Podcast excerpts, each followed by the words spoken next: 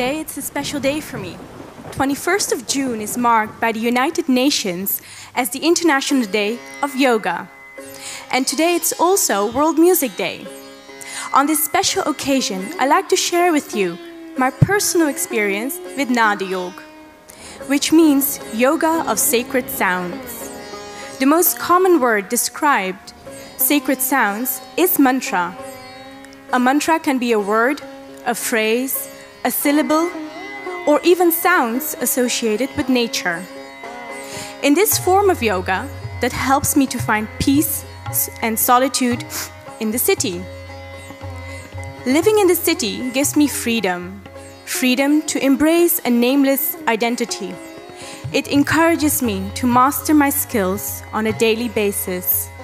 The city gives me opportunities to grow as a professional. But even this good fortune comes with sacrifices.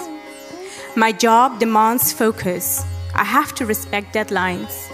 And making mistakes can cause several problems and even sleepless nights. Being a freelancer in the city means competing with others, constantly running from one project to the other. And above all this, we are nowadays overloaded with a stream of endless information that people of all walks of life share with us. I think that all of you here can relate to this hasty lifestyle.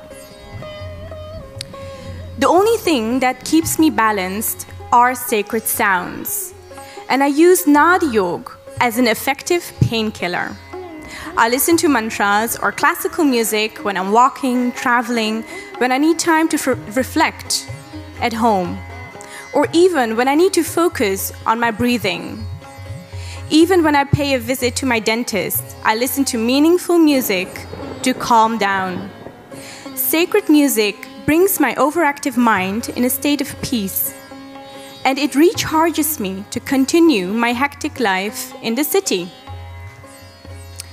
My ritual of listening to meaningful music is not merely a stress reducer my love for sacred music has become my way to express my gratitude towards the divine.